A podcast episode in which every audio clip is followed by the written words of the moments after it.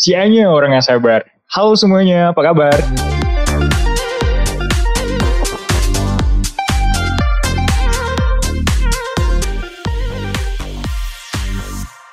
Halo Dio. Halo Tia. Dio, balik lagi nih kita berdua. Dio, ini mau nanya dong. Nanya apa tuh? Dia sekarang anak milenial lagi pakai smartphone apa nih? Hmm, apa ya? iPhone nih, apa iPhone? Oh iya, iPhone. Tipe terbaru apa enggak tuh? Enggak sih, menengah lah, menengah. Ini kalau misalkan dengar informasi iPhone keluarin tipe terbaru, dia mau beli nggak? Pastilah. Ini nih, kalau milenial.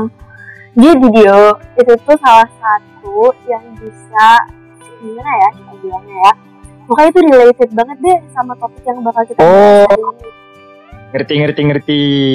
Jadi kayak kita itu ngelakuin nge, melakukan sesuatu itu bukan karena kebutuhan kita ya Tia. Jadi kayak sebuah Iya. keinginan yang sebenarnya itu sia-sia gitu kan. Bukan itu hal yang terpenting gitu kan.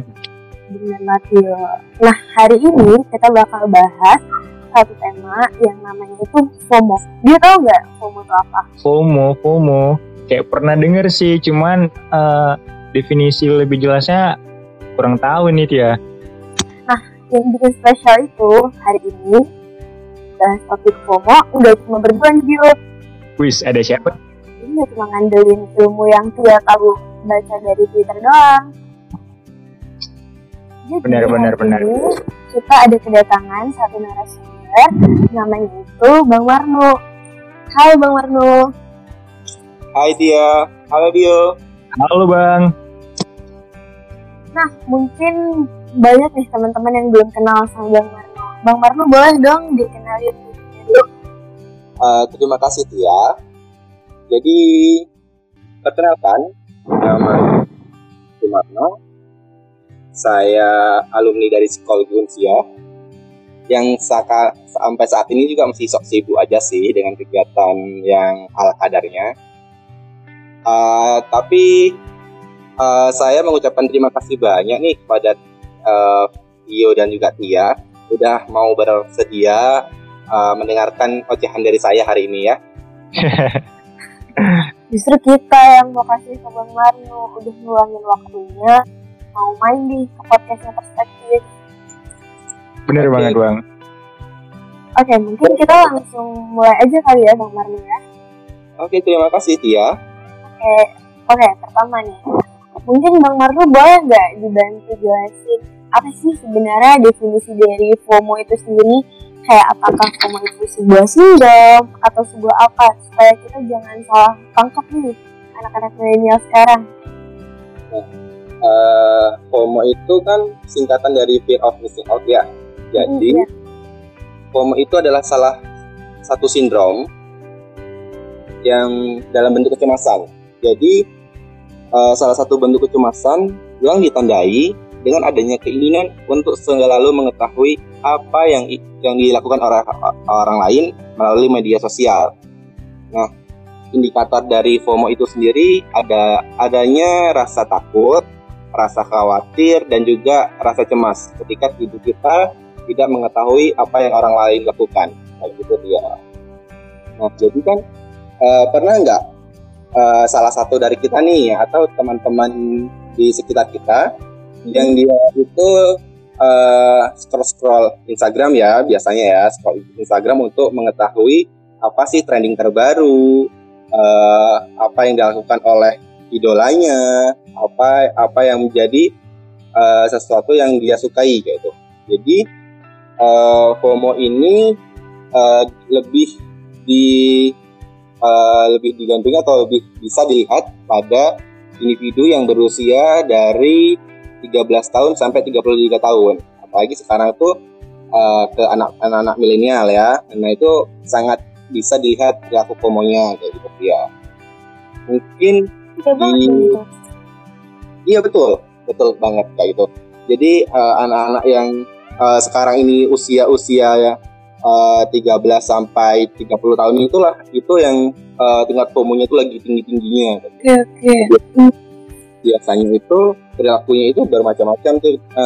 Ya ada kan beberapa yang anak-anak cewek itu yang scroll scroll IG hanya untuk cari-cari uh, uh, resep makanan uh, saat itu juga uh, lebih ke, ke style dan lain-lain gitu itu banyak kali itu intinya kalau kita menemukan uh, individu yang uh, bermain sosial media berselancar sosial media yang menghabiskan waktu 5 sampai 7 jam lebih dalam satu hari mm-hmm. uh, itu bisa langsung dikatakan wah dia FOMO nih kayak gitu. Jadi lebih uh, bisa dilihat uh, perilakunya dengan mata. Berarti kayak kontradiksi gitu ya bang ya? Seakan-akan kayak yang harusnya kita lakukan di kehidupan menghabiskan waktu di kehidupan nyata malah itu kita habiskan di kehidupan maya gitu ya bang ya?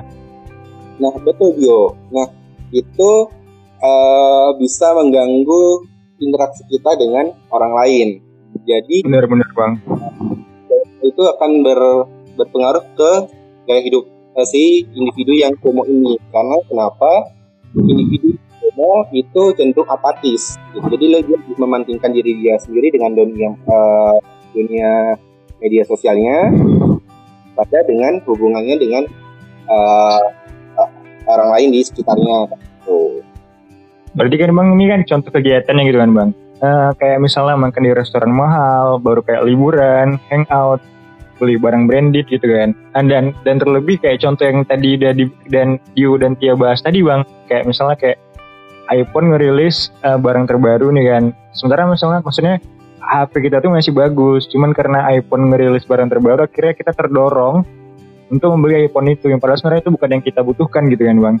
Iya betul, itu sebenarnya sih dampak dari FOMO-nya gitu. Kalau uh, FOMO uh, sindrom FOMO ini nggak ada sama kita, kita bahkan nggak tahu uh, kalau ada HP yang muncul terbaru gitu. Karena adanya sindrom inilah kita tahu gitu. Karena kita tuh kayak selalu update informasi apa sih yang ada di media sosial kayak itu. Dengan adanya sindrom itu, jadi kita tahu. Dengan uh, kita tahu maka uh, ada, ada munculnya perilaku konsumtif kayak gitu. Untuk membeli barang-barang yang memang itu bukan kebutuhan sebenarnya. Itu lebih ke keinginan kita. Agar memang kita nggak uh, uh, nggak tinggalan zaman lebih di uh, lebih dihargai dengan orang lain dan lebih dipandang dengan orang-orang orang lain jujur ya bang kayak apalagi Tia nih yang bisa ngabisin waktu di depan HP dalam jangka waktu cukup lama sering banget tuh saya ngerasa kayak gitu kayak ngelihat sesuatu kayak padahal ya udah seharusnya tuh bisa cukup kayak oh ya udah gitu sekedar lihat. Jadi itu kayak dia cari tahu terus jadi kayak addicted terus kayak jadi tergoda buat beli. Kayak bener banget kayak yang bang Marno bilang barusan nah betul. Apalagi uh, ini kita lihat dari FOMO-nya laki dan perempuan ya karena uh, uh, mayoritas individu FOMO itu adalah ada di perempuan gitu daripada di laki-laki. Nah nanti uh, dampaknya lagi kalau ke perempuan bakal munculnya ke impulsif buying kayak gitu gitu. Beli beli beli beli aja. Begitu udah terbeli nah di situ ada muncul penyesalan menyalahkan diri sendiri uh, stresornya lebih tinggi kayak gitu dia jadi dari satu sindrom yang uh, yang disepelekan yang mungkin dikatakan orang itu ah ini hal hal yang sepele kalau hal yang mudah kan terus semua orang juga punya iPhone uh, bisa uh, uh, bisa lihat sosial media di mana pun gitu. Tapi mereka tidak menyadari dampak uh, apa yang uh, akan mereka rasakan ketika mereka uh, sudah memiliki sindrom ini. Oke oke oke ngerti. Tapi Bang Marno, kalau misalkan kita compare nih pengeluaran konsumen per generasi, apalagi kayak generasi sekarang nih yang milenial, sama generasi-generasi sebelumnya itu ada perbedaan yang cukup besar gak sih Bang Marno? Karena semenjak adanya sindrom FOMO ini? perbedaannya jauh jauh-jauh banget uh, lebih besar uh, generasi milenial sekarang daripada di uh, generasi generasi sebelumnya karena kenapa taraf kebutuhan dan juga perkembangan teknologi juga berbeda kalau kita uh, pandang di zaman uh, zamannya orang tua kita fokus hmm. dari tua adalah bangun pagi kerja dapat uang pulang selesai. Hmm. Kalau sekarang uh, kita nggak perlu lagi untuk uh, menghabiskan banyak keringat, kita nggak perlu lagi untuk uh, bersusah payah uh, meng, uh, dengan segala tenaga dan usahanya kayak itu kita uh, lebih uh, gimana ya bahasanya ya lebih hmm. mengandalkan teknologi lah gitu jadi kayak kita bangun tidur aja kita bisa uh, pegang uh, teknologi di, di tangan kita kita bisa menghasilkan uh, banyak uang dari situ tapi uh, hmm. dampaknya juga nggak kalah jauh lebih besar daripada itu gitu yang jadi kayak seimbang kebutuhannya meningkat dampaknya juga meningkat kayak gitu jadi perbandingannya itu lebih kayak satu banding lima dibanding eh, antara uh, generasi zaman dahulu dengan generasi yang kita sekarang. Besar juga ya bang perbandingannya. Iya. Terus juga kalau dilihat sekarang platform buat kita melakukan itu juga makin gampang dan makin banyak juga ya. Betul. Balik lagi kayak. Kalau zaman dahulu kan antara Pulau Jawa misalnya ke Pulau Sumatera itu kalau nggak berkirim surat kita bahkan nggak tahu kabar mereka bagaimana uh, kondisi uh, kondisi mereka bagaimana kalau nggak melalui uh, isi dari surat kabarnya kan iya benar, nah, benar. Bahkan di ujung dunia di uh, Amerika Serikat pun kita tahu nih oh dia lagi apa dia konsumsi apa barang-barang apa yang dia pakai kita tahu karena memang teknologinya hampir sama dengan apa yang kita pakai uh, untuk acara hal ini kayak gitu bang Uh, ini bang, kalau soal dampaknya ini gimana bang? Dampak dari sindrom ini sendiri terhadap psikologi seorang tuh apa sih bang gitu bang maksudnya? Nah, dampak dari FOMO ini sendiri yang paling besar itu depresi. Itu paling besar. Karena kenapa? Ketika uh, si individu ini tidak bisa mengetahui perilaku orang lain melalui media sosial, maka dia akan cenderung uh, mengurung diri gitu. Jadi kok aku nggak tahu ya perkembangan dia sedangkan teman-teman aku itu tahu gitu jadi aku kayak merasa uh, dikucilkan tidak tidak dihargai seperti itu jadi muncullah muncullah stresor yang membuat mereka lebih down dan muncullah sindrom untuk depresi gitu. selanjutnya dampak FOMO ini uh, individu yang FOMO itu memiliki kontrol diri yang rendah kenapa karena dia uh, dari bangun tidur sampai dengan akan tidur itu dia uh, selalu pegang gadget untuk uh, untuk update up, uh, informasi apa aja yang di dunia sosial media sosialnya kayak gitu. Selain menurunkan kualitas hubungan dengan orang lain yang biasanya itu uh, satu individu dengan individu lainnya itu uh, punya hubungan yang erat bisa dikatakan sebagai teman ataupun sahabat. Mereka lebih banyak mengeluarkan uh, waktu untuk bersama, untuk uh, sekadar uh, kalau bahasa kita curhat seperti itu. Hmm, nah, iya. Karena adanya FOMO ini udah lewat media sosial gitu, jadi nggak ada keterikatan emosi, keterikatan secara uh, interaksi sosialnya juga berkurang kayak itu. Selanjutnya, bang, ya uh, karena akibat depresi tadi itu yang di poin pertama, akhirnya produktivitas kerja kita jadi menurun gitu ya bang? Betul. Nah satu lagi dampak FOMO yang uh, paling nggak disadarin oleh hmm. orang uh, adalah individu, individu FOMO itu adalah individu yang kesepian. ya. ya karena dia nggak mau berinteraksi tadi itu ya bang ya. Betul, karena dia membandingkan diri dia sendiri ya udah di dalam kamar aja dengan smartphone-nya dia, dia merasa lebih aktif berselancar di media sosialnya tanpa benar, benar, benar. Dia udah udah menjauh dari lingkungan sosialnya gitu bahkan dengan uh, kakak beradiknya atau dengan tetangganya saja dia sudah mulai acuh-acuh gitu dia nggak nggak nggak mementingkan uh, perilaku orang lain ya udah dia pentingkan diri dia sendiri intinya aku uh, tahu uh, keterbaruan informasi sekarang itu melalui TikTok tahu gitu. Berarti udah jelas ini kebanyakan dampaknya negatif ya bang? Betul. Kita ada, mempengaruhi kesehatan hmm. mental kita, pemicu juga pemicu overthinking, pemicu insecure ya bang? Betul. Uh, satu lagi dampaknya dari FOMO ini ya, uh, dilihat dari segi uh, mana pun itu negatif. Yang pertama bisa menurunkan produktivitas. Kenapa? Karena uh, biasanya pengguna uh, ya, gadget ini mereka lebih banyak menghabiskan waktu berselancar di media sosial di waktu libur. Nah, jadi semakin banyak waktu liburnya, apalagi sekarang masa pandemi ya kan, nggak Udah bang. ada eh, kegiatan-kegiatan kayak misalnya kayak eh, di mahasiswa lah, ekstrakurikuler, ada ada Iya, tugas. benar bang. itu kan lebih lebih sedikit jadi lebih banyak eksplor untuk uh, di media sosialnya jadi lebih menurunkan produktivitasnya yang seharusnya dia melakukan banyak kegiatan dan tapi dia uh, terkendala dengan asiknya bermain di media sosial gitu itu turun lagi motivasi belajar motivasi Iya, belajar benar-benar.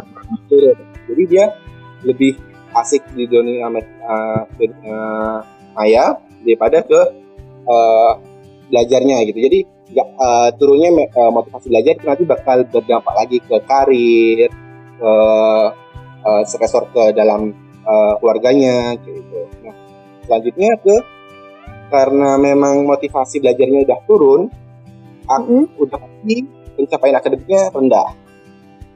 Itu udah pasti Oh iya bener Bang Marlo Jadi dia pernah nih ada di posisi kayak yang Bang Marlo bilang banget ini misalnya dia kan pas belajar kayak jadi kayak gak efektif kayak gak ada produktivitas sama sekali lagi gitu hidup dia. Nah pas udah dia kehilangan energi yang banyak dia tuh mulai lagi mau belajar lagi bang. Itu berarti salah satu dampaknya juga ya yang kita Iya belajar. betul. Nah, nanti kalau udah uh, pencapaian akademiknya turun, itu bakal turun uh, muncul lagi namanya burnout. Itu lebih kayak udah nanti aja dulu deh kegiatan yang, ini nanti dulu deh. Gitu. Jadi lebih banyak lagi tekanan-tekanan yang bakal dirasain gitu. Nanti bakal jatuhnya ke depresi lagi gitu. Makanya kenapa uh, kesejahteraan emosionalnya itu rendah banget untuk yang individu FOMO ini. Gitu. Nah, itu sebenarnya kayak masalahnya tuh hal sepele diri kita tapi kalau misalkan dibiarin kayaknya bisa bahaya banget ya bang Marno ya. Kayak yang Betul, bisa burn out terus bisa jadi depresi mentalnya terganggu nah jadi ini kayaknya kita harus lebih hati-hati lagi ya sih bang sama diri atau mungkin kita harus lebih menilai diri kita lagi nih. Kayak apa sebenarnya yang kita lakukan itu udah benar apa sih gitu. Eh, Hmm, gimana? lebih kontrol diri aja sih. Kita harus kontrol diri kita sendiri gitu. Jadi kita harus bisa eh, lihat mana yang bagian kebutuhan mana yang bagian keinginan. Kayak gitu. Jadi sebenarnya eh, hadirnya eh, smartphone dan beberapa media sosialnya itu itu eh, kita timbang lagi. Kita eh, tinjau lagi gitu. Sebenarnya menggunakan gadget untuk eh, dan berselancar di media sosial itu keinginan atau kebutuhan kayak gitu. Buat dia nih. Ya kadang tuh masih susah banget Bang, kayak buat bisa bedain yang mana kebutuhan yang mana keinginan. Jadi dia tuh kayak ngabisin waktu terus ya. Aduh ini kayak kan deh semuanya kan keinginan dia doang. Nah di situ di situ makanya diperlukan kontrol diri gitu.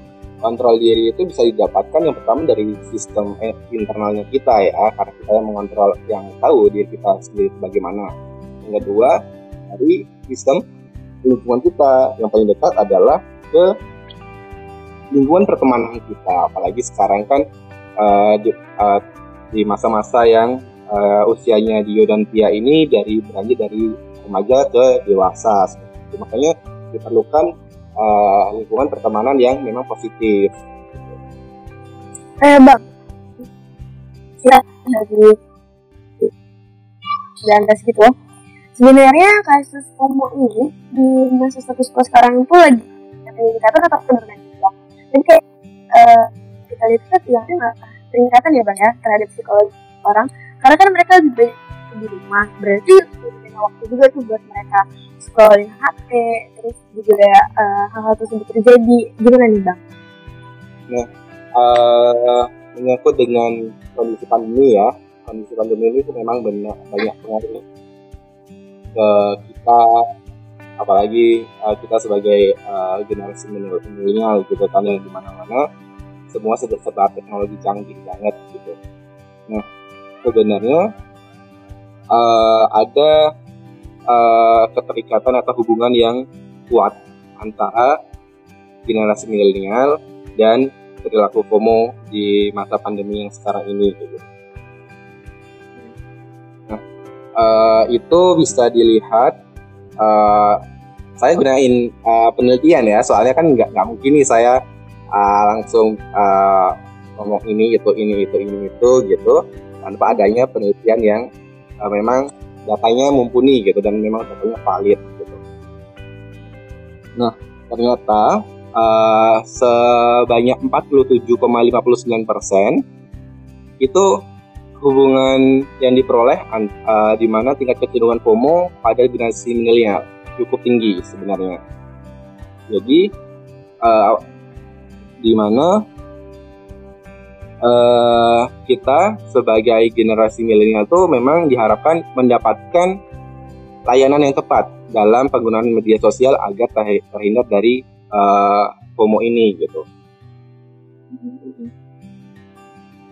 Nah, uh, karena uh, kalau kita nggak menerima layanan yang tepat tentang uh, dampak dari FOMO ini di masa pandemi itu uh, akan menjadi uh, momok yang besar sih untuk bagi kita uh, seperti yang sudah dijelaskan sebelumnya ya dampak-dampaknya itu gitu.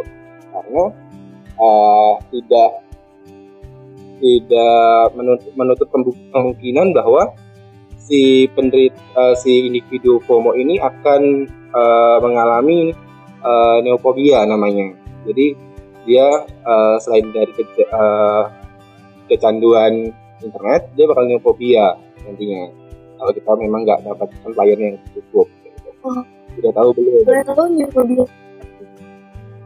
Nah, neofobia sama FOMO ini dia berurusan tipis Bedanya kalau dia ini dia sangat nggak nyaman. Dia setiap detik, setiap menit dia harus melihat HP.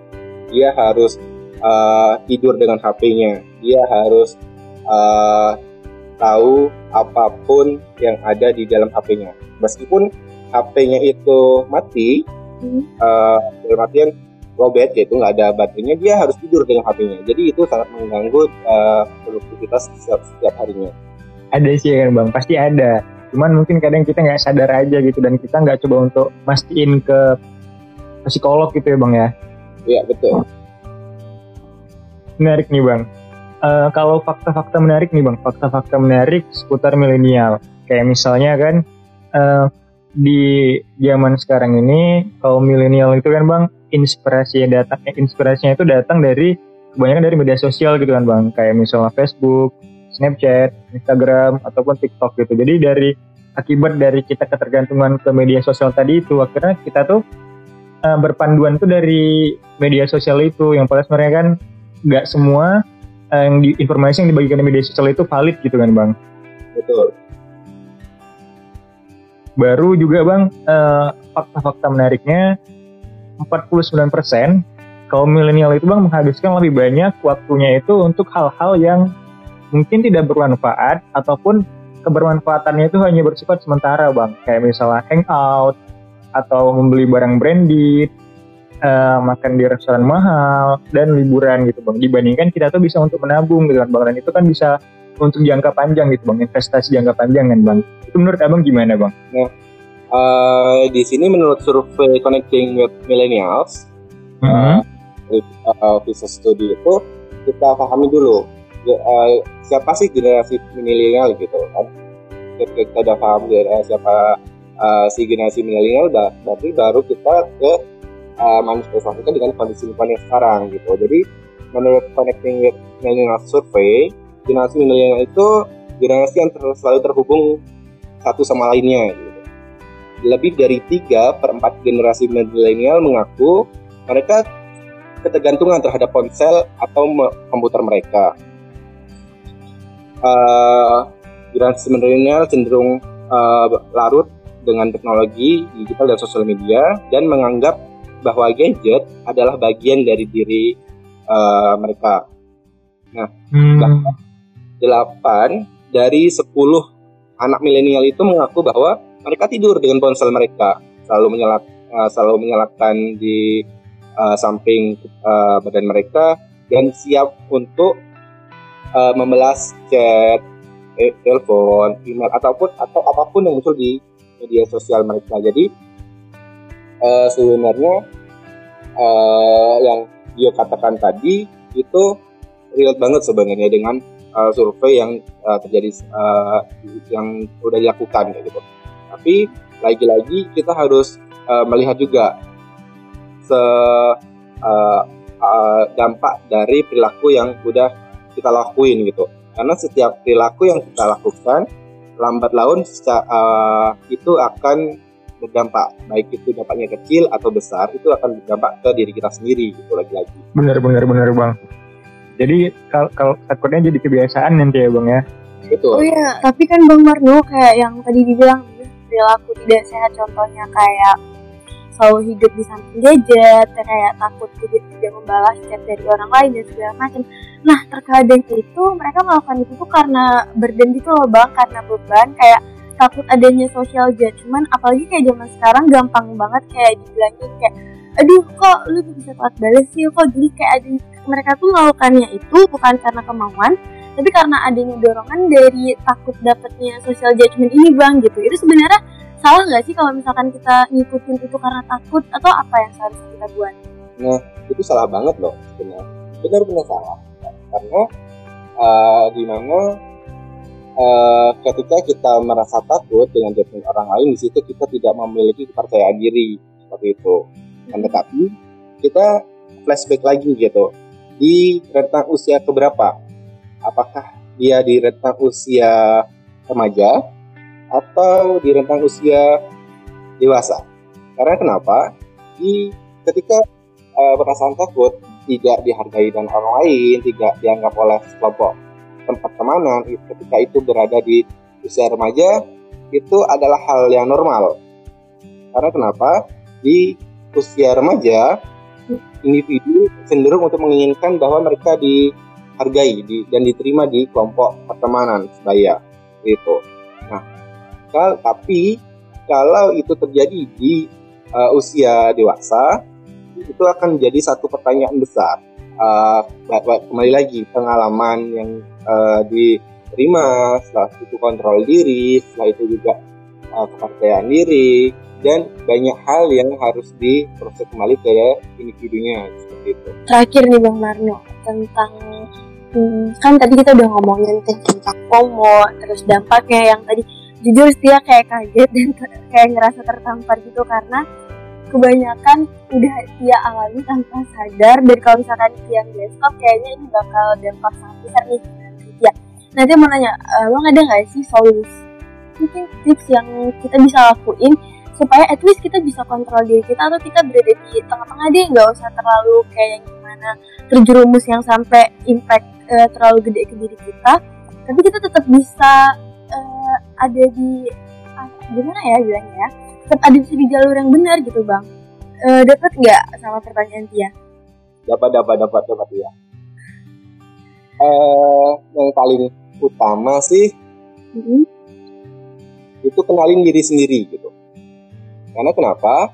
Ketika kita mengenali diri kita sendiri kita tahu nih kelemahan kita apa kekurangan kita apa gimana support sistemnya kita, gimana kita harus menempatkan diri. Karena kenapa? Ketika kita tidak mengenali diri kita sendiri, kita cenderung untuk ikut ke perilaku orang lain. Kita lebih uh, melihat modelnya kita siapa. Gitu. Kita lebih mengagung-agungkan uh, sistem pertemanan, sistem lingkungan yang juga juga terjadi.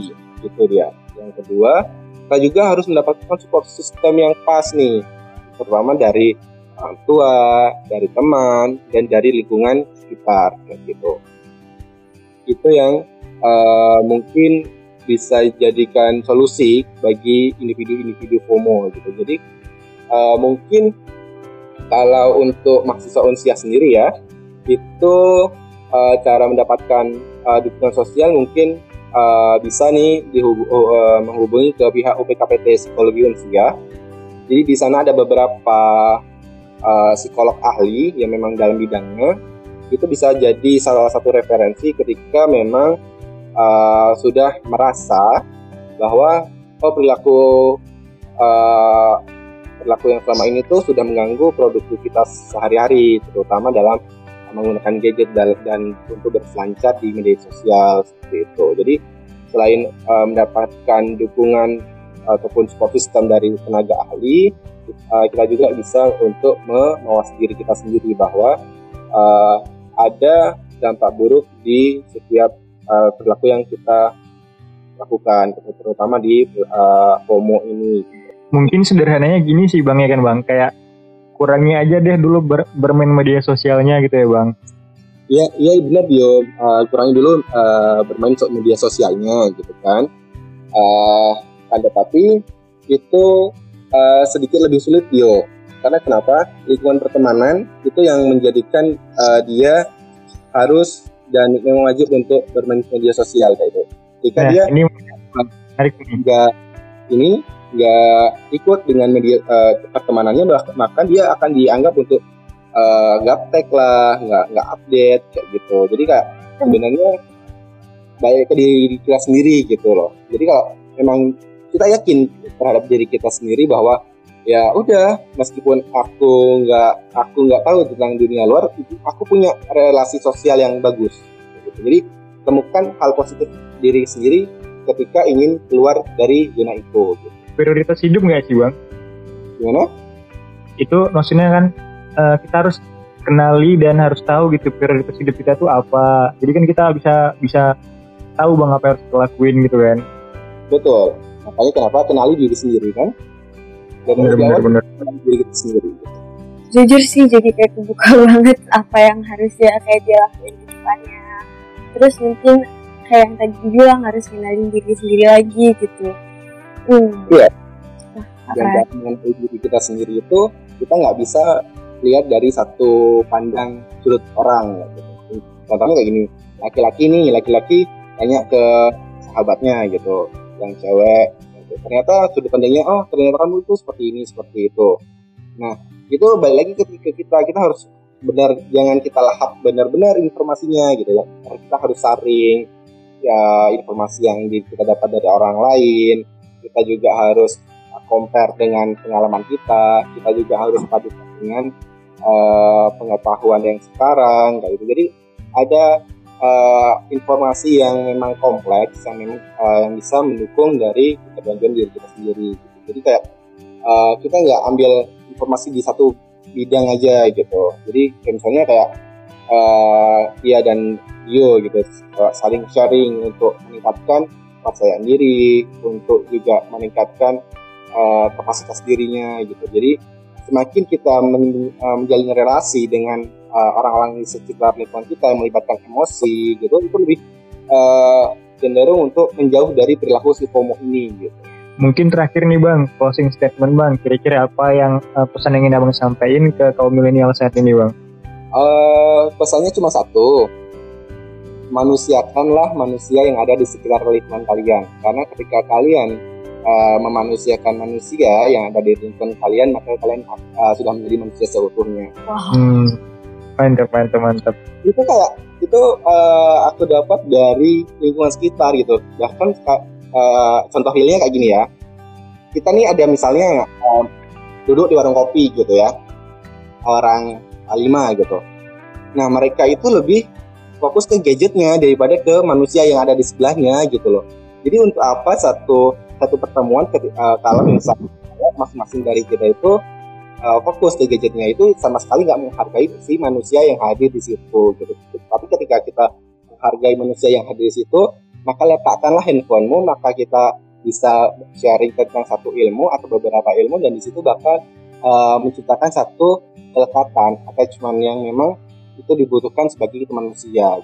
Ah iya, jadi ya kayak quality dari setiap pertemuan itu lebih ada dan lebih kerasa gitu ya. Betul lagi-lagi ya kembali lagi ke diri kita sendiri kan? Bagaimana kita menghargai manusia gitu. Benar banget. Nih aku nggak kerasa udah setengah jam lebih nih kita ngobrol sama Bang Marno.